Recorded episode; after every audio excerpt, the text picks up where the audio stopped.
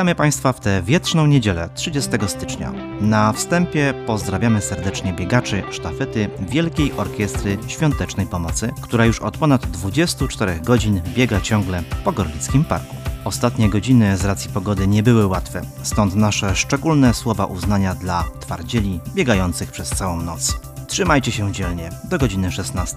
Wtedy upłynie 2022 minuty waszego biegu.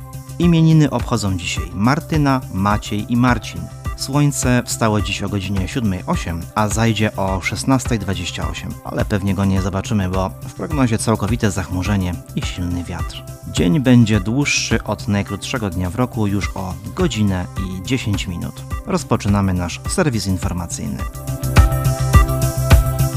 wystartował 30. finał Wielkiej Orkiestry Świątecznej Pomocy. Od wczoraj trwa sztafeta pod hasłem Policz się z cukrzycą. Jej zakończenie przewidywane jest na godzinę 16. O 10 na parkingu przy ulicy Mickiewicza nad rzeką Ropą rusza spotkanie miłośników motoryzacji. O godzinie 9 startuje orkiestrowa ślizgawka na lodowisku Ośrodka Sportu i Rekreacji w Gorlicach. Sercem gorlickiego sztabu jest w tym roku budynek Sokoła przy ulicy Jagiełły. Tam też po południu zaplanowano największe atrakcje i tak już od godziny 15 startują pokazy sportowe, maratony zumby, zajęcia z trenerami sportów walki, a także orkiestrowy fitness. O godzinie 17 zabrzmi orkiestrowa scena. Wystąpią zespoły Delta Virus, Billy Goats i Trickback. Szczegółowy program dzisiejszego finału w Gorlicach można zobaczyć na naszej stronie. Zapraszamy.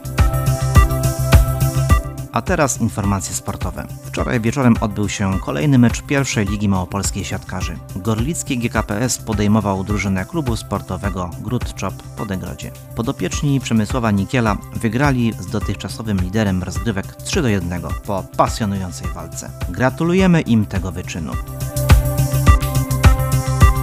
Na koniec informacja z kroniki kryminalnej. Nowosądecka prokuratura prosi o pomoc w ustaleniu tożsamości mężczyzny, którego zwłoki ujawniono w sierpniu ubiegłego roku na ulicy Węgierskiej w Nowym Sączu. W naszym artykule znajdziesz zdjęcie, rysopis i informacje na temat szczegółów tego zdarzenia. Kontynuując policyjny wątek, ostrzegamy przed kolejnymi próbami wyłudzeń oszustów przez internet.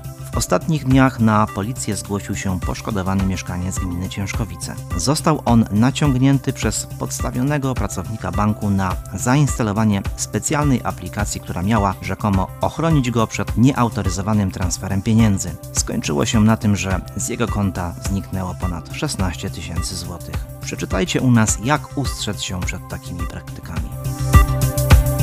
To już wszystkie informacje na dziś. Przyłączamy się do orkiestrowego grania.